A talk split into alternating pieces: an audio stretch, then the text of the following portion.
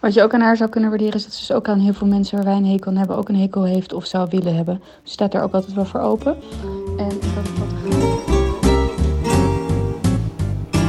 In aflevering 4 van de Shit Show hebben we het over Selling Sunset, een kleine kale tweeling, vrouwenkift. Stef ging niet op date. Janneke is nu een vrouw van een zekere leeftijd. Vrouwen op de wc, een vacuüm van vrede.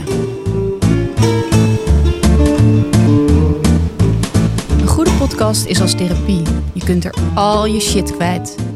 Wij, Stephanie Hogenberg en Janneke van der Horst, bespreken de heetste shit van de week en onze eigen shit. Zodat we samen met jullie weer een kilo lichter zijn. Een show door vrouwen voor mannen.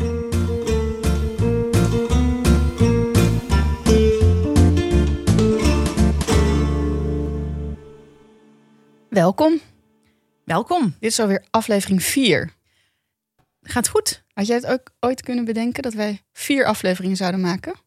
Nee. Wat is er? Ik sla, ik sla even dicht. Nou, geef Ik, ben- ik heb die zenuwen dus ineens heel erg. Oké, vandaag gaan we het hebben over... Jij had een onderwerp aangedragen waar je het over wilde hebben. Want we moeten immers een hoofdonderwerp hebben. Ons hoofdonderwerp is Selling Sunset. Ja. Eh, daar gaan we het zo over hebben. Want heb jij shit van de week? Ik heb zeker shit van de week. Oh Jan, ik heb zeker shit van de week. Ik ga je het volgende vertellen. Het zat zo. Kijk, ik heb op dit moment best wel een slechte rating met tennis. En dat komt door corona. Dan denk je, huh, hoe zit dat in elkaar? Nou, dat komt omdat de KNLTB een plan had bedacht... dat we met corona wel door mochten tennissen met de competitie... maar dat je dan op tijd speelde in plaats van met sets. Vind ik niet te begrijpen. Dus bij de KNLTB, en daar kan ik me dood aan ergeren... nog Wat was, dan die, eh, wat was de gedachte daarachter? Want je Ja, bent dus nog steeds met dezelfde mensen. echt, ik denk dat daar een stel imbecielen werkt. Dat is niet te harde. Zij hadden bedacht dat als je op tijd speelt, je kreeg een uur de tijd, moest je met een kookwerker gaan tennissen. Ja, echt. Dit geloof je toch niet? Als ik het al na vertel, ik denk het klinkt als slapstick.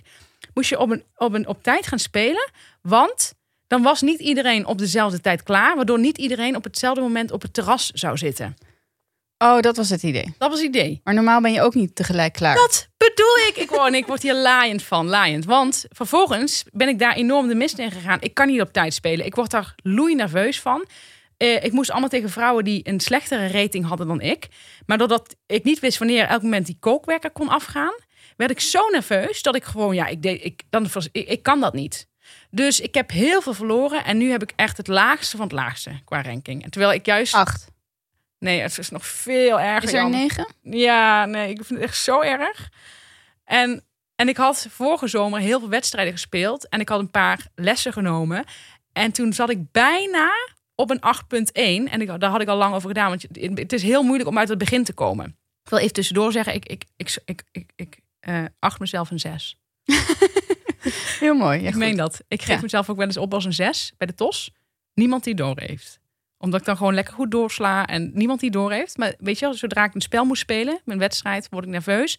En in die acht eh, klassen zitten Mensen Ook- die er niks van kunnen. is ook soms wel goede mensen, maar ook zoals ik. Maar ook soms mensen die er echt niks van kunnen. En dan moet je, het is ook heel moeilijk om terug te slaan bij mensen die, he- van die- van die hele hoge ballen slaan. Nou goed, afgelopen zaterdag was er een toernooi. Dan kon je, het was een dagtoernooi, kon je twee wedstrijden spelen. Twee singles. Ik dacht, ik ga me daarvoor opgeven. Want ik wil heel graag mijn rating omhoog. Dus ik had in de ochtend een wedstrijd om 9 uur 's ochtends. Nou, die had ik verloren van iemand die... Ja, dat is het grappige. Ik vind eigenlijk nooit iemand beter dan ik. Maar toch verlies ik wel eens. Hoe dat precies zit, weet ik niet. Nou ja, ik denk dat het mentaal is het voor mij gewoon één grote strijd. Eh, maar ik had van haar verloren. Ik vond het niet heel erg, want ze was wel, ze was heel aanvallend. Dus, ehm, maar ik had smiddags nog een wedstrijd. Alleen, ik had opgegeven dat ik maar tot half vier kon. Maar ik had die wedstrijd om half twee. Ik had namelijk om kwart voor vier een afspraak. En die kon ik niet meer verzetten. Had ik nog geprobeerd, lukte niet. Dus ik dacht, het wordt heel krap. Dat durfde ik niet helemaal bij de wedstrijdleiding te zeggen. Van ja, ik moet om half vier weg. Terwijl dat had ik wel opgegeven. Maar dat durfde ik dan niet meer goed te zeggen. Dat vind ik dan ook raar van mezelf. Maar ik dacht. Nou, ik moet wel zeggen, ik heb wel eens toernooien gespeeld met tennis. En ik vind die mensen in zo'n hoekje die zo'n eh, wedstrijd leiden, ja, altijd vreselijk eh, beangstigend. ja, eh, Zijn niet de vrolijkste types. Nee. Zijn eigenlijk mensen bij wie, die net als wij eigenlijk helemaal geen toernooi kunnen organiseren. Voor wie het heel veel werk is. En die er eigenlijk ook geen vat meer op hebben en geen grip. En bij elk klein tegenslag, kleine tegenslag, zijn ze super zagrijnig. Ja, klopt. Zeg ik dat goed? Dat zeg je heel Herken je dat? Ja, ja. Want eentje was wel aardig en eentje was niet zo aardig.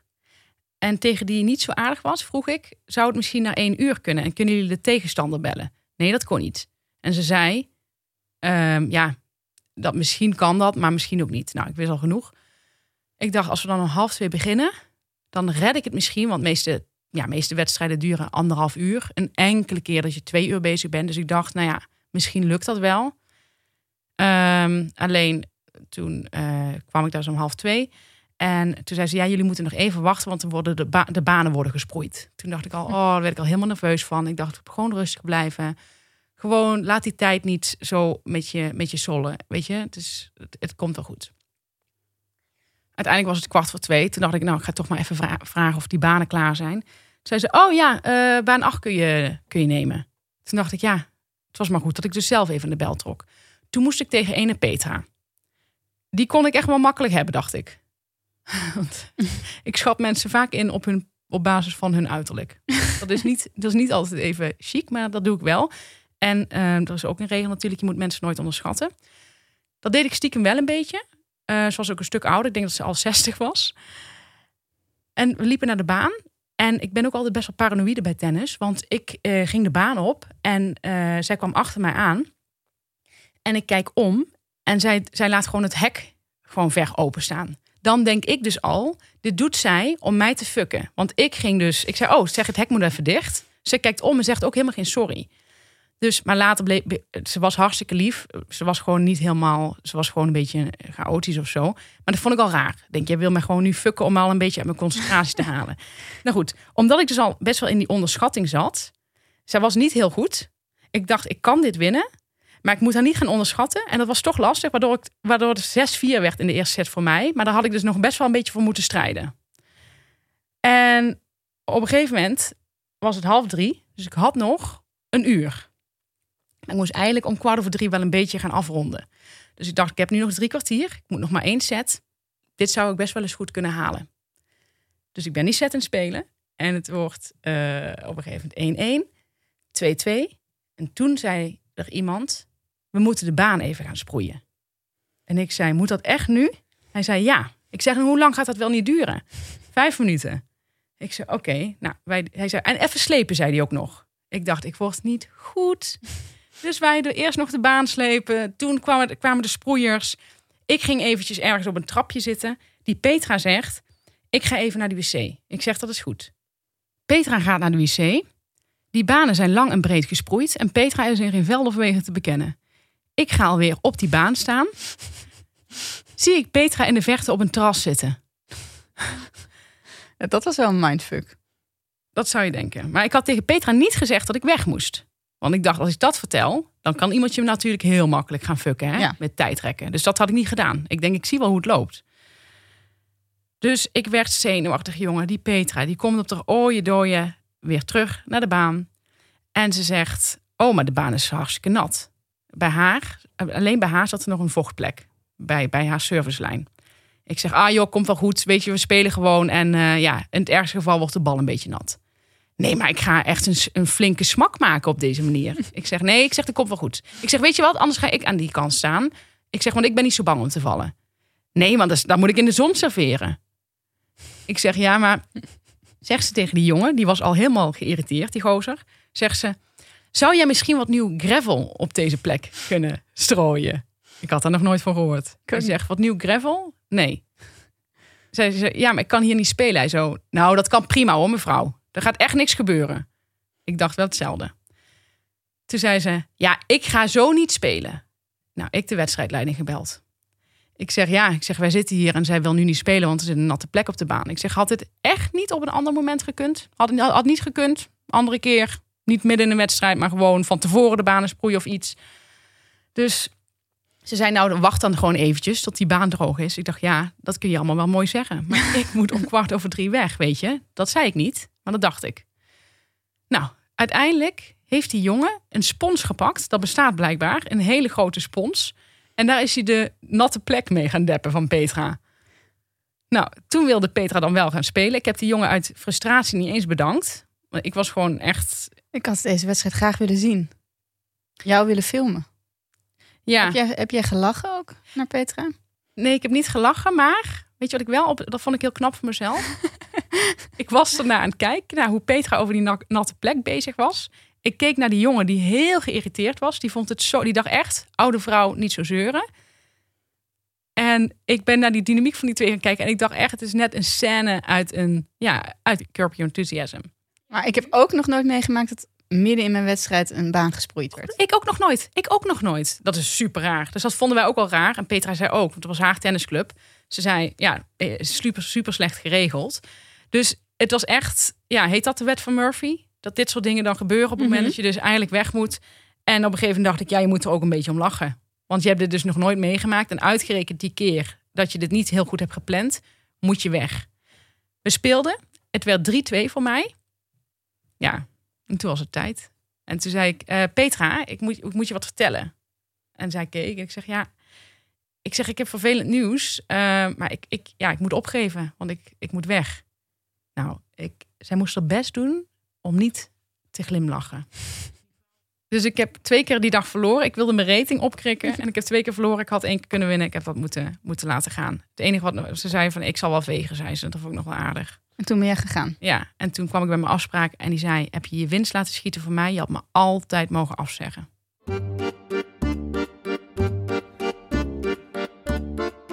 Wat was jouw shit van de week? Nou ja, shit van de week. Eh, ik ben gisteren 40 jaar geworden.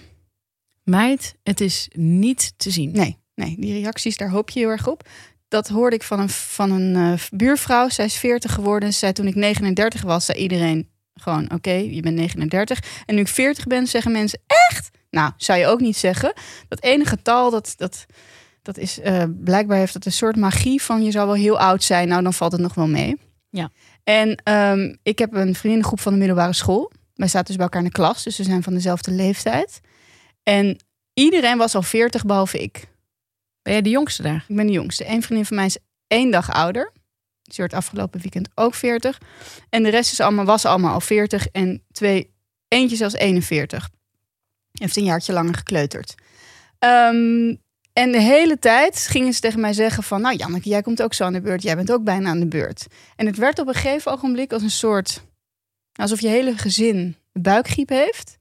En je weet, het gaat gebeuren. Wanneer ben Ja. ik aan de beurt? En toen werd ik dus zondag wakker en ik was 40 en dacht, nou, pff, hebben we dat ook weer gehad. Goeie nu ben ik vergelijking. 40. Ja, nu ben ik 40. En ehm, ik weet niet wat voor idee jij erbij hebt om 40 te worden. Is het iets waar jij tegenop op ziet? Ehm, ja, maar het is wel over vijf jaar. Ik probeer wel mindful te zijn. Door nog, door nog gewoon me 35 te voelen. Ja, dus je bent er niet mee bezig. Nou, niet met 40, maar het lijkt me verschrikkelijk eerlijk gezegd. Nou, dankjewel. Um, het is ook wel, ik vond het ook wel wat. En het grappige is dat dan mensen die wat ouder zijn, dus vooral, nou, 60-plussers, 50-plussers ook, die dan een beetje gaan doen alsof het heel ijdel is en eh, een beetje, ja, eh, oppervlakkig om daar iets van te vinden en bij te voelen. Ja. Dat vind ik heel vervelend. En hoe zeggen ze dat dan? Dan zeggen ze van, nou, eh, wat maakt het uit? Wat is het nou een getal? Ik vond het juist heerlijk om 40 te worden. Mensen vinden dat dan altijd. Als het 15 jaar geleden was, vonden ze het heerlijk om 40 te worden. Of mensen zeggen, dat vind ik ook heel vervelend. Het is ook heel mooi dat je deze leeftijd hebt bereikt. Oh ja, nee, maar dat vind ik heel vervelend. Ja. Ja. Want dat zijn van die mensen die ook hun eigen geklaag relativeren. Ja, en daar hou ik dus niet van. Ik ook niet. Nee, ik vind 40 ook absoluut niet bij jou passen. Ik heb toch andere, een andere, andere beleving van 40. Ja, maar dat had ik vroeger ook altijd. Ik Ja. weet nog dat mijn leraar van de lagere school werd 40 in groep 5, 6. Oh ja. En ik moest een toneelstukje doen. ja. En ik weet nog dat ik hem echt een hele oude man vond. Ja. En moest hem foufailleren, meneer noemen en weet ik het allemaal. En nu denk ik, die man was 40. Ja. Dat is gewoon als man, zeker als man, ben je echt in de bloei van je leven. ja. Toch? Ja. Revival. Alles. Alles. Maar ik En vind verder- wel, als je 40 bent, dan is je jeugd wel echt voorbij. Je kunt je nog zo jeugdig voelen. Niemand ziet jou meer zo. Ja, ik zie jou wel nog zo. Dat is leuk. Maar omdat je er niet... Je, je, het, het- de, de, je, je gezicht past er gewoon niet bij nog. Maar vind je niet grappig dat je gewoon... Jouw kinderen denken waarschijnlijk ook dat jij gewoon een volwassen vrouw bent. Ja, mijn oude vrouw die denken ook dat ik nooit jong ben geweest. Nee. Nu al hebben ze dat. En die denken ook dat je alles onder controle hebt. En, Ja, ik, dat weet ik niet zeker. Maar...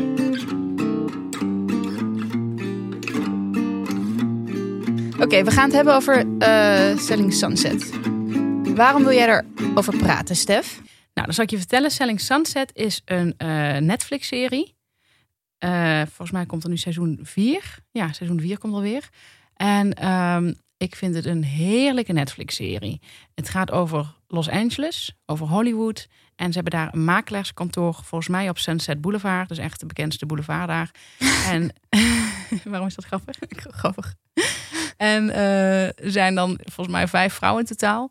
Die vrouwen hebben allemaal iedere dag hakken aan naar kantoor. Ik zou echt zo ongelukkig zijn als ik in die rol zou zitten.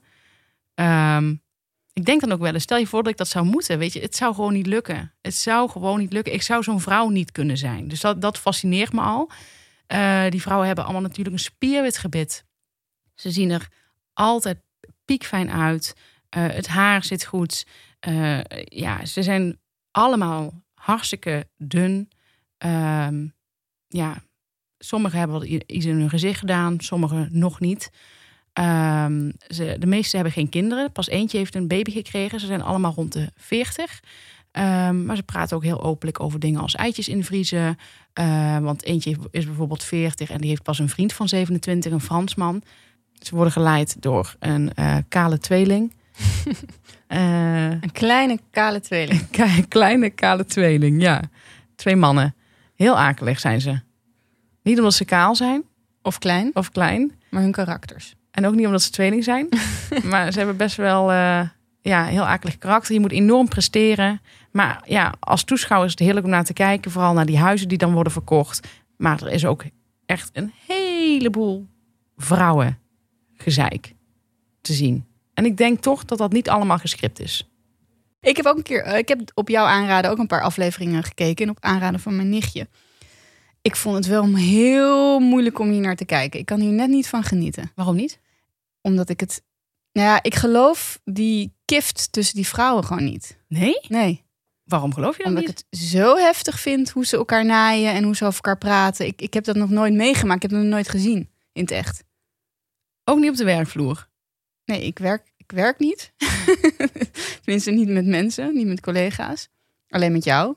Oh, ik heb, dit dus, ik heb dit dus wel ervaren. Niet zo erg als dit, maar ook wel ja, subtieler. Want dit is niet meer echt subtiel te noemen. Ik, ik, vind het, ik vind dat ook eigenlijk het minst leuke gedeelte. Nou, dat en wat zo ik- heftig nou, is. misschien dat ik het geroddel nog wel geloof, Mhm. maar het goed maken niet. Altijd op een feestje. Ja, Dan wordt iemand apart genomen. Meestal een mooi muziekje erbij. ja. En de rest gaat allemaal zitten kijken. Hé, hey, die zitten even samen. En dan gaan ze het er vaak over hebben. Ook op een manier waarvan je denkt, dit is geen gesprek. maar Heb je dat nooit? Nou, dat ziet er vaak wel een beetje gescript uit. ja. Of vind je dat ook echt? ja, vond ik eigenlijk wel echt. Ja? ja. Je hebt nu ook Want herken jij dat? Dat is toch niet iets wat vrouwen doen? Kom, we gaan even praten op een feestje. Nee, dat doen vrouwen niet. Nee. De vrouwen doen- gaan wel op, op, op de wc allemaal leuke dingen doen samen. Dat vind ik altijd heel gezellig. Als je Ja. vrouw op de wc en dan geef je Ja. ook complimenten aan elkaar. Ja, je maakt altijd vrienden op de wc, hè? Ja, eventjes een hele kleine vredelievende bubbel. Of even lachen met elkaar om iets. Ja. Dat je al niet weet waar de prullenbak is of zo. Voor- Ja. Dan is er al meteen een soort contact. Weet jij waar ik die tampon kan weggooien? Ja, Ja. hier schat. Ja. Pak dan hier heb je je tissue, hier heb je een Het tissue. komt omdat op dat moment voel je een soort van verbonden. We zijn hier allemaal op een feest. We weten niet waarom jij hier bent, waarom ik hier ben. Maar we willen iets leuks ervan maken vanavond. Ja. En Zoiets. daarna, daarna, buiten die, bij de deur begint de kift weer. Ja, dan is het gewoon weer voorbij. Ja. Het is een soort kleine vacuüm van vrede. Ja. Ja, dat vind ik, Vrouwenvrede. eh, Ik, zit vaak de hele avond op de wc.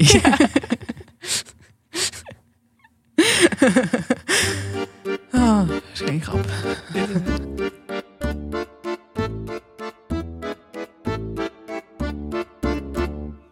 Maar ik heb dit wel meegemaakt op de werkvloer. Ik werkte bij, bij een uitgeverij. En eh, ik was stagiaire. Ik lag niet heel goed in de groep. Kan ik best zeggen. Wel Ja. bij een paar mensen, maar bij drie vrouwen lag ik niet goed in de groep. En daar was de rest van de afdeling was weg. Er waren alleen die drie vrouwen daar. En dan zeiden ze tegen mij: hey, eh, wij gaan lunchen. Eh, tot straks. En dan vroegen ze mij dus niet mee. En vervolgens moest ik naar de Albert Heijn lopen om zelf lunch te halen. En dan zaten ze op het terras. En dan moest ik daar langs lopen. Dus nou, dat voelde ook niet echt heel En vroegen fijn. ze anderen ook niet mee? Of was het... Ja, er er- wij waren de enige op de Oh. afdeling. Dus dat, het, was, het was niet zo, het was niet Ja, zo naar, heel naar. Ja. Of dan vertelde ik verhaal, een verhaal bij de lunchtafel. En dan reageerde eigenlijk niemand op de anekdote die ik had verteld. En zei één iemand ook nog, oké. Oh, heel naar. Ja, dus ik vind dat wel, ik geloof dit Ja. wel. Ik Maar heb, dat ik heb er geen ervaring mee. Ik heb nooit heel veel eh, met vrouwen gewerkt. Dus ik weet het ook niet. Maar ik kan Ja. in ieder geval niemand bedenken in mijn omgeving die zo zou doen. Nee, maar dit is wel extreem. Ja. Maar ik, ik vind het wel lekker om te kijken, want je ziet die lekkere huizen. Ik denk dan wel deed het bij alles, oh, het arme milieu. Want dan denk ik, waarom moet iemand in zijn, met, in zijn eentje eh, zo'n gigantisch huis hebben? Dat denk ik bijvoorbeeld ook van Danielle Oelemans en, en, en Reinoud Oelemans. Die, Maar die hebben vier kinderen of zo. ja, maar die hebben zo'n ontzettend groot huis. Niet meer normaal. Dat is, daar is jaren aan gebouwd. En ik begrijp dat toch niet helemaal. Als je zo rijk bent, dat dat altijd zo extreem groot moet zijn. Ja, ik, ik, dat, daar kan ik me helemaal niet in vinden. Ik vind het wel lekker om naar te kijken. Ik hou ook heel erg van zwembaden. Gewoon alleen al van het, van het zien van zwembaden.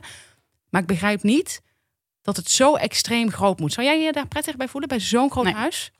Dat je bijvoorbeeld zes logeerkamers hebt? Nee. Nee. Ik denk van ja, er, zijn zo, er is zo weinig plek eigenlijk op aarde voor. eh, Er zijn zoveel mensen die een. een Maar wat zou jij doen dan als je heel veel geld had? Wat zou je wel doen? ehm, ja, daar denk ik wel eens over na. ja, want ik denk dat ik niet heel veel anders zou doen. Eh, maar wat ik bijvoorbeeld wel zou doen, ik zou dan zeker weten iedere maand naar de manicure en naar de pedicure gaan. Kun je daaraan vinden? Daar kan ik me in vinden. Misschien wel twee keer. Wat zou jij willen? Oh, nou ja, ik zou dus echt helemaal niet eh, hetzelfde doen als ik nu doe. Wat zou je dan doen? Ja, ik, eh, ik zou echt.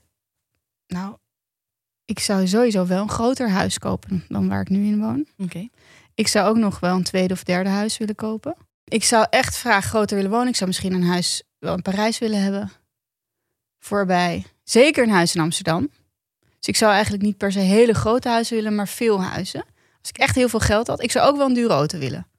Ik hou best wel van auto's. Ik ook, ja. Dus ehm, daar zou ik me ook niet voor schamen. Ik zou voor alles wat er maar te doen is in mijn leven iemand zoeken die dat voor mij wil doen. Ja, dat zou ik ook doen. Dus ik zou iemand eh, hebben die nou, sowieso het schoonmaken natuurlijk, eh, de tuin.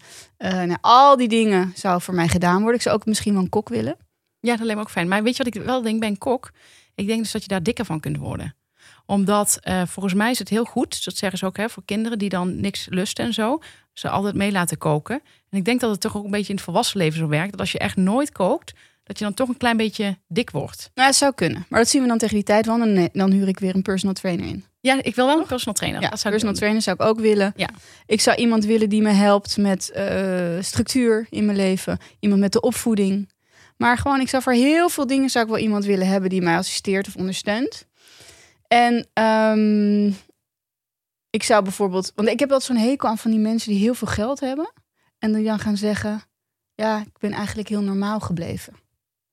Vind ik heel vervelend. Wie zegt dat? Nou, heel vaak veel mensen met oud geld. Dan zie je weer een interview met een of andere man die in Wassenaar woont. En die nog goed doet. En die alleen maar duidelijk maakt dat hij nog zelf eh, zijn, zijn boterhammetje smeert elke dag. Vind ik helemaal niet interessant. Nee, maar hij is dan wel normaal gebleven, toch? Ja, maar wat is normaal als je in een huis van 2,5 miljoen woont? Nee, oké, maar ik bedoel, je kunt echt alles uitbesteden als je heel rijk bent. Ja. Ik zou heel graag eh in Huis ter Duin een schrijfsabbatical nemen. Dus dan zou ik bijvoorbeeld een half jaar daar in een hotelkamer met zeezicht willen zitten. Om daar lekker te schrijven. Maar dan word je dus ook dik. Nee, maar ik eet daar salades. Oh ja, En ik heb dan een personal trainer, die komt dan naar Noordwijk. oké. En ik, ik heb een keer voor Quote iemand geïnterviewd eh, van Tieleman Keukens. Die, eh, die heeft, heeft een keukenzaak in, Ze- in Zeeland. En daar heeft er blijkbaar behoorlijk wat mee, mee verdiend. En die sprak ik. En die was op een gegeven moment gescheiden. En toen heeft hij Harry Mens ontmoet. En toen zei ik, hoe heb je Harry Mens ontmoet? Hebben we het weer over Harry Mens, jezus. Eh, toen zei ik, hoe heb je Harry Mens ontmoet? Zei hij, ja, die ontmoette ik in Hotel Huis ter Duin toen ik daar beneden aan de bar zat. Ik heb er negen maanden gewoond. Nou, dat klonk voor mij als een droom. Muziek in de oren. Ja, ik weet dat sommige mensen dat echt verschrik- verschrikkelijk lijkt, maar mij lijkt dat heerlijk. Lekker aan zee, eh, een super fijn hotel, er is een krantenkioskje waar je zelf Heerlijk, New York Times heerlijk. Ja, super fijn. Dus dat zou ik willen. Ik zou sowieso meer Ubers nemen. Nu denk ik toch nog vaak met regen, kom op, eventjes een capuchon op. Maar dat is voor mijn haar eigenlijk niet te doen. Dus ik zou zeker in de herfst iedere dag eh, een Uber nemen. Als ik een afspraak buiten de deur heb. Want nu moet ik altijd als een maloot met een, een, een mutsje op of met een capuchon op en dat heel strak vasthouden. Want anders gaat dat voor zijn haar pluizen. Dus dat zou ik allemaal gewoon, eh, dat zou ik wel fixen. En ik zou in een café schrijven en dan gewoon drie dagen in de week en dan alles bestellen waar ik zin in zou hebben. dat doe ik nu één dag in de week. Nou, ik merk wel dat jij ook vrij normaal zou blijven. Vind je niet? Nee. Vind je dit al excessief? Ja, wel een beetje. Ik zou ook al mijn vriendinnen elk jaar meenemen op een hele relaxte reis. Dat doet Linda de Mol, hè? Oh, ja, Linda en ik, ik begrijp dat. Ja, lijkt me ook heel leuk. Ja. Zo leuk. Ja, zij neemt al haar vriendinnen, volgens mij, dat heeft ze wel eens vaker in interviews verteld. Zij neemt al haar vriendinnen één keer per jaar mee op, op reis. Dan weten die vriendinnen volgens mij niet waarheen. Nee. Misschien vind, vind, Weet Linda misschien zelf ook niet. Zou ze ook wel iemand voor hebben? Precies. En dan komt er ook iemand lekker koken. Ja. En dan hebben ze zo'n vriendinnenvakantie. Lijkt me geweldig. Ja, heel lekker. Lekker geheimen bespreken. Ja. Roddelen. Roddelen. Heel erg fijn. Eh, oh ja, weet je wat ik ook zou willen? Massage thuis. Oh ja. Ja. Want nu doe ik altijd een massage buiten de deur. maar dan, ja, dat zou is ik, wel shit, ja. ja. dan zou ik echt zo'n uitklaptafel Armoedig. Vind ik ook echte armoede, ja. Dat je daarna nog naar huis moet fietsen terwijl je zo lekker ontspannen bent. Dan moet je weer door het Amsterdamse verkeer. is niet te doen. Ehm, en wat ik ook zou doen als ik heel veel geld had, is ehm, alles uitbesteden. Sowieso, sowieso de boekhouding, zou jij ook doen. Dat doe ik al. Ja, maar nog, ik vind toch... Nog meer. Nog steeds... Weet je wat grappig was? Ik zit dus bij uh, keesdeboekhouder.nl. Mhm. het, is niet, het is niet per Je se... hebt nu al twee keer reclame gemaakt, hè? Voor wat dan? Tielemans keukens. En nu de boekhouder. Ik denk echt dat niemand die naar ons luistert een keuken nodig heeft. Denk ik. En ook niet dat ze daarvoor naar Zeeland gaan. Nou, Dus- ik denk het wel. Ik denk dat het juist onze eh, doelgroep is. Van die mensen die net een huis hebben gekocht. maar dan kun je. Tieleman keukens niet betalen hoor. Oh, dat weet ik niet. Nee. En eh, twee, ik, ik, ik wil erbij zeggen, ik ben neutraal over Kees de boekhouder. Want ik ben niet super enthousiast. Ik ben ook niet, ik ben nog aan het uitvinden wat ik ervan vind. Dus Mhm. doe dit niet na. Er zitten wel veel mensen bij. Maar weet je wat grappig was? Ik zei tegen een vriendin van ja, ik doe sinds kort de boekhouding zelf. En zij zegt, oh, ik heb het juist uitbesteed. Ik zeg, ah ja, ik zeg ja, ik zit bij Kees de boekhouder. Zij zo, ik ook. en ik vind dat zelf doen. En zij vindt dat ze het heeft uitbesteed. Ik zou ook iemand regelen die, eh, eh, als ik bijvoorbeeld een vliegticket zou moeten boeken, dat iemand dat, dat ik dat eventjes voor 50 euro uitbesteed. Ik zeg, wil je 50 euro verdienen? Boek even voor mij een ticket. Dat lijkt me het allerfijnste. Want ik ben heel slecht met tijden en organiseren. Dus reserveringen in restaurants moet je me eigenlijk ook niet laten doen. Ik heb een keer, eh, een paar jaar geleden, wilde ik een restaurant boeken, een Italiaan. En dat kwam omdat ik op Eens allemaal eh, slechte recensies zag staan. Althans, niet over het eten. Dat vond iedereen eigenlijk geweldig. Ze zeiden allemaal, het eten is supergoed. Het enige wat ze erg verschrikkelijk vonden was de bediening. Want er werkte een Italiaan en die was ontzettend bot. Dus sommige mensen zeiden, nou ja, ik wilde mijn, rooi, mijn, vlees terugsturen, want het was net iets te rood. En toen konden we vertrekken. En iemand zei, ja, eh, er zat kurk in de wijn. Ook pak maar je spullen.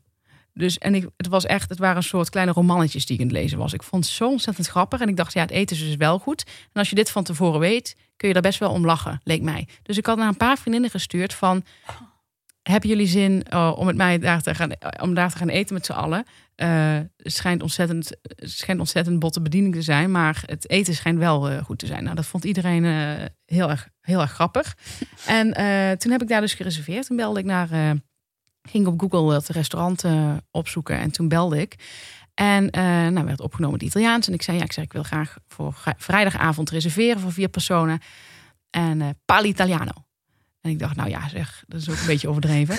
Eh, dus ik zei, nou ja, ik zeg ik, in het Engels gewoon verder. Ik zeg, ja, eh, ik wil voor vrijdagavond reserveren. Eh a che ora? En ik dacht, nou ja, door mijn Frans kon ik dat nog wel herleiden. Dus ik zei, nou, ik zeg gewoon 8 o'clock. En toen zei hij, eh, how many persons?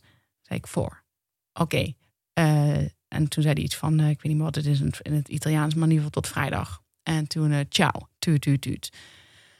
Nou, wij komen daar vrijdagavond. We hadden er heel veel zin in. Het was een zomerse avond. En eh, het terras zat bomvol. De hele stad was naar buiten, eh, zat buiten op terrassen. Elk terras was helemaal gevuld. Wij komen bij die Italianen en ik zeg, nou, ik heb gereserveerd onder de naam eh, Stefanie. Ehm, ze zegt, oh ja, eh, ze ik zie hier niet staan. Waar heb je precies gereserveerd? Ik zeg, nou, zus en zo. Ik zeg voor vier personen. Zij zei, oh, maar dat is raar, want wij reserveren, wij reserveren pas vanaf vier personen. Ik zeg, nou ja, ik zeg, de reservering is toch echt aangenomen. Dus uh, ze zei, ja, maar dat is echt raar. Want we, ja, onder, onder de vier schrijven we niks op. Toen zei ze, wie heb je gereserveerd? Ik zeg, ja, het was een Italiaan. Toen zei ze, nou, dat is, er is maar één Italiaan hier, dat is de eigenaar. En die zou nooit een reservering aannemen voor vier personen. En toen zei ze, weet je zeker dat je niet in een ander restaurant hebt geboekt? Toen zei ik, nou, lijkt me een beetje sterk, hè? Ik ben niet achterlijk. Uh, ik, mijn onderlip trilde toen een beetje, omdat ik zo gefrustreerd raakte. Ik dacht, ik, ik zag de bui al hangen. Mhm. Dat dit gewoon niet was. Ik, denk, ik vond het ook best wel bot. Ik denk, dit, dit gaat me toch iets te ver eigenlijk. Toen zei ze, ja, het spijt me heel erg, maar we zitten helemaal vol. En we hebben pas vanaf 11 uur weer plek. En ja, ik, kan je, ik heb ook gewoon geen tafel. Toen moest ik dat buiten tegen mijn vriendinnen gaan zeggen. Oh, ik vond het zo erg. Ik zei tegen hen, ik zeg, ja, ik heb echt heel vervelend nieuws, maar ze zeggen dat ik niet heb gereserveerd. Nou, iedereen helemaal gefukt. Mijn vriendinnen ook kwaad, weglopen. Uh, nou, dat meisje probeerde er nog wat van te maken. Wij waren geen blikwaardig meer gegund. Toen zijn we om de hoek gegaan bij een heel saaie tapasbouw waar ook niemand zat. Dus het was al, weet je, dat is een teken aan de wand. En we zaten daar en we waren boos en we waren allemaal plannen smeden dat we voortaan uh, voor tien mensen daar gingen reserveren onder een valse naam en dan niet opkomen dagen. En echt allemaal dat soort dingen waren we bespreken. En we konden er maar niet over ophouden. En ik begreep er niets van. En toen dacht ik, ik kijk heel even onder de tafel op mijn telefoon. Dan typ ik nog een keer de naam van het restaurant in.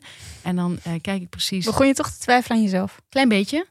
En toen uh, deed ik dat. En toen zag ik dat ik gewoon op de allereerste hit had gegoogeld. En dat bleek dat het, uh, het restaurant heette Langoletto. En dat bleek ook een Langoletto in Rome te zijn. En uh, daar heb ik op bel gedrukt. dus uh, nou ja, in Rome is, zijn er vier mensen die komen opdagen. Maar toen ik dat zag, dus ter plekke, toen uh, zag ik dus dat ik er fout in was gegaan. En wat ik toen heb gedaan, ik durfde dat niet te vertellen, omdat iedereen zo kwaad was, dat ik mijn telefoon heb weggelegd. En ik ben gewoon verder gaan zeiken. En ik zei, ja, het is echt niet normaal. Niet normaal. Ga er nooit meer naartoe. Was het anders geweest als jij heel veel geld had gehad? Want je dan denk je anders gedragen? Bij dat restaurant. Ja. Had ik gezegd, had ik zoals bij Curb Your Enthusiasm gedaan. Had ik een briefje van 100 in mijn, in mijn hand gevouwen. Ja. En dan haar een hand, uh, een hand gegeven. Ja. Dat is dan nog niet werkt. Ja, sorry, zit gewoon vol. Ja. ja. Stel dus dat je heel erg rijk bent. Echt heel rijk hebben we het over. Zou je ook uh, goed doen? Daar horen we ons niet over. Ja, zou ik ook doen, ja. ja. Het is heel leuk. En ook met uh, Curb. Dan is uh, Larry David wordt gevraagd om um, geld te doneren voor een, uh, voor een museum. En allerlei, hij woont in Los Angeles ook. en allerlei bekende mensen worden ervoor gevraagd. En zijn vriend, maar ook een beetje vijand in de serie Ted Danson, die onder zijn eigen naam een rol heeft. Die um, heeft ook gedoneerd en die heeft dat anoniem gedaan. En iedereen krijgt een plaat met zijn naam in, in de hal daar. En er is één plaat en er staat anoniem bij. En iedereen weet dat het Ted Danson is, want dat heeft hij aan iedereen verteld. En Larry David ergert zich daar dood aan. Die ergert zich daar echt dood aan. Dus je bent, je doet iets goeds, maar je doet alsof je daarboven staat. Ondertussen vertel je het aan iedereen. En iedereen zegt dan ook dat ze het van Ted Danson hebben gehoord. En Larry David ergert zich dan heel erg aan. Toen dacht ik dus wel van, ja, als ik heel veel geld had, zou ik dat misschien ook wel doen. Dat je gewoon zo anoniem gaat, iets gaat schenken, maar dan wel tegen allemaal mensen vertellen. Ja, ja, dat is moeilijk, man. Om, om, om, om daar niet mee te koop te lopen. Ja. je wilt het toch kwijt. Ja. Weet je wat ik denk dat we even moeten doen? Ik denk dat we even, even zo moeten doen. Stef, de, Stef denkt dat we nu even met onze armen moeten schudden en even moeten staan. Even mijn aura. Ik voel me ook herboren. Oké, okay, even kijken. Heb je... Hebben wij nog een tip? Oh, zeker wel. Ik heb een tip Um, dat was mij weer getipt. En ik had daar uh, in eerste instantie niet zoveel oren naar. Het, was een, het is een boek. En ik vond het plot niet direct heel uh, interessant. Ik, het klonk, ja, dus een beetje, beetje, met alle respect moeten we even bij zeggen. Met alle respect. Ik vond een beetje een uh, libellenachtig plot. Het gaat namelijk over. Uh, de, schrijfster is Bibi Dumont-Tak. Het is een Nederlandse schrijfster. Ze schrijft doorgaans kinderboeken. Maar dit is een van haar volwassen romans. Nou, gewoon van haar romans. En dit is een van haar romans. De dag dat ik mijn naam veranderde. En het plot gaat over, um, het, het, is, het is echt gebeurd. Zij heeft een eh, zus die is overleden aan kanker. En eh, die zus had een huwelijk met een knettergekke man. En die knettergekke man wil na de dood van die, van die zus niet meer dat deze schrijfster haar neefjes ziet. De twee jongens van de Mhm. zus. Vind je dat een plot wat interessant klinkt? Nee, ik kan me voorstellen dat je, net dat je je niet meteen trekt. Nee, want ik denk het klinkt als een heel particulier verhaal. Ja. Mm, wat heb ik eraan? En ja, nee, het klinkt een beetje zoals een, als een, een zeg maar een. Mijn een- geheim. Ja, of één, dat is pagina in, in, een, in, een, in een bijlage van een krant of zo. Zeg maar, leuk op Ja. zaterdag. Nou, uiteindelijk ging het, eh, kreeg ik het boek van mijn moeder, want die duwt dan de mening door dat uiteindelijk gewoon dat boek op te sturen. Dus, eh, wat wel leuk is trouwens. En eh, ben ik het toch gaan lezen en het is steengoed. Het is ongelooflijk goed geschreven. Het, wat ik heel knap eraan vind, is, is namelijk, het, het, is, het is waar gebeurd. Het bestaat nog steeds. Ik, ze ziet haar neefjes nog steeds niet. Het mag nog steeds niet. Wat ik er goed aan vind, is dat ze razend is natuurlijk. Kan niet anders. Het is echt razend. Ze is al haar zus al verloren en ze mag Mhm. nu haar neefjes niet meer zien. Je denkt ook, hoe gaat dat dan in zijn werk? Want hoe kan iemand jou nou tegenhouden? Nou, dat lees je allemaal in dat boek. Die man, die is knettergek. Dat vind ik ook goed. Dat, we, dat je een keer eh, ziet hoe, hoe mannen knettergek kunnen zijn. Even een voorbeeld. Dan eh, die zus van haar, die had in het begin, was, was, had ze net die baby gekregen. Had ze net een baby gekregen. Dan ging ze op de slaapkamer zo'n kindje voeden. Borstvoeding geven. En dan vond die man dat ze daarna moest afkolven. Haar melk moest afkolven. Want hij wilde dan ook nog eh, één op één met dat kindje zitten. Zij- Oh, ik dacht even dat hij dat wilde drinken. Nee, Dus ja. hij wilde ook het kindje melk geven. En dus zij zei, maar het is gewoon handiger en makkelijk als ik het nu gewoon even, als ik, als ik even borstvoeding geef. Zei hij, ja, maar dat is makkelijk praten. Jij hebt al de tijd gehad met onze zoon. Dat wilde hij dan ook. Dus ze moesten gaan kolven. Zo'n man. Mhm. Knettergek. Ergens je dood als je het leest. Nou, zij is dus razend. Maar het is supergoed dat ze er een, een, een... Ze heeft er een heel mooi verhaal van gemaakt. En er zit ook nog humor in. Dat vind ik heel knap. Want ja, dit is, dit is heel moeilijk als schrijver... om een verhaal waar je eh, persoonlijk zo Mhm. kwaad over bent... op te schrijven, zodat het voor meerdere mensen relevant wordt, interessant... en dat je er ook nog een laagje overheen kunt doen. Nou, dat, in, die, in die staat ben ik zelf nog niet. Ik heb al meer verhalen waar ik woedend over ben... maar ik heb, het is me nog, en die zijn minder erg dan dit.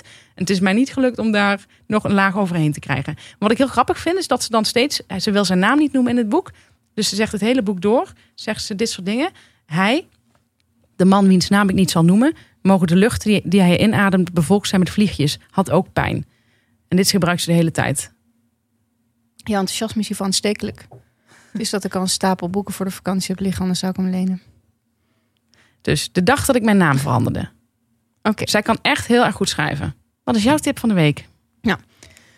Nu ik een eh, vrouw van een zekere leeftijd ben, 40. in 40, ehm, dacht ik, ik kan wel boekentips geven en weet ik veel wat, maar ik kan misschien ook eens in de zoveel tijd wat levenswijsheden delen. Oh. Ja? Als je wat ouder wordt, heb je soms, en als je dat niet hebt, hoef je deze, de- dan, dan is deze tip niet voor jou. Maar ben jij iemand die wat ouder wordt, heb je wel eens moeite om dat terug te zien in de spiegel? Ja. Dan heb ik dus een tip. Oh. Een paar tips. Kijk niet meer in de spiegel. Dus zo min mogelijk. Kijk even of je tanden voor niks tussen je tanden zit. Maak je even snel op. Maar ga niet de hele tijd in je ondergoed voor de spiegel staan. Het wordt niet beter. Oké? Laten. Dus gewoon niet meer doen. Dat werkt echt. Want hoe je je van binnen voelt, is niet altijd wat je in de spiegel ziet. Nee, dat klopt. Plus, ehm, wat ik merk als je ouder wordt, dat je ouder wordt, zie je eigenlijk vooral aan je vrienden. Mijn vriendinnen schrikken zich nu helemaal rot. Niet aan mij, nee, niet aan jou. Eh, aan de anderen. Nee, maar zij zien het ook aan mij. We zien elkaar natuurlijk ouder worden. Ja. En ehm, dat is soms ook wel eens confronterend. En wat ik daar ook over. oh, en je ouders natuurlijk. Vooral vaders en moeders van. Vooral vaders van vriendinnen die je een tijd niet hebt gezien of zo. Of eh, kan je wel eens denken van: oh ja, dat zegt natuurlijk ook iets over ons. En ehm, wat ik daar ook bij wil zeggen als tip is. Nee, eh, zorg dat je of je vriendinnen of vrienden heel met veel regelmaat ziet, zodat het niet zo opvalt. Ehm, of verbreek het. Zorg dat je ze gewoon nooit meer ziet. Want soms als je mensen 14 jaar niet hebt gezien of zo, 15, dan schik je je echt rot. En dat zegt alles over jou, want die- die persoon kan ook weer zo net zo schrikken van jou. En heb ik nog een kleine tip. Hoort hier ook een beetje bij. Vind je dat het weer te lang is? Nee. Eh, nog een kleine tip. Eh, die tip gaf ik jou laatst ook. En ik had idee dat je daar ook erg blij mee was. Is dat vaak zie je bijvoorbeeld eh, iemand is een eigen bedrijfje begonnen. Iets wat hij alleen doet. eh, coachingsbedrijf of weet ik veel, massagesalon. Of iemand is schrijver, heeft een foto achter op zijn boek. Voel je me aankomen? Prachtige foto, kies Ja, me ja, altijd ja. uit. Een foto waar iemand heel mooi op staat. Ja. En vaak, als je die persoon in het echt ziet, met heel veel schrijvers heb ik dat gehad. Als ik een schrijver tegenkwam in het echt, dat ik dacht, oh, oké. Mhm. Zijn het heel kleine, miserige mannetjes? Ja, Ja. die er helemaal niet zo uitzien zoals op de achterkant van een boek. Nee. Ehm, dat kan een keuze zijn, want je denkt misschien dat je boek daardoor beter verkoopt. Dat kan. Maar ik vind het zelf heel erg als mensen van mij schikken. En daarom hebben wij, als je ons logo ook ziet, Ja. in het echt zijn we knapper. En we hebben echt heel bewust gekozen voor een foto waarvan mensen, als ze ons echt zouden zien, niet zouden schikken. Ja.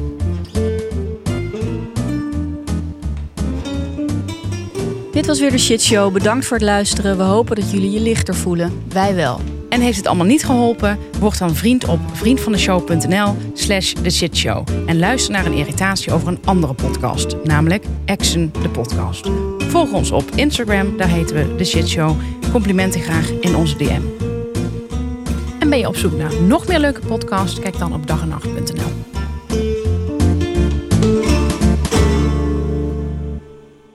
Ik heb wel iets debiels gedaan. De tweet waarop die gozer reageerde heb ik verwijderd wegens gebrek aan populariteit. Ja, het gebeurt mij ook af en toe één keer in het jaar.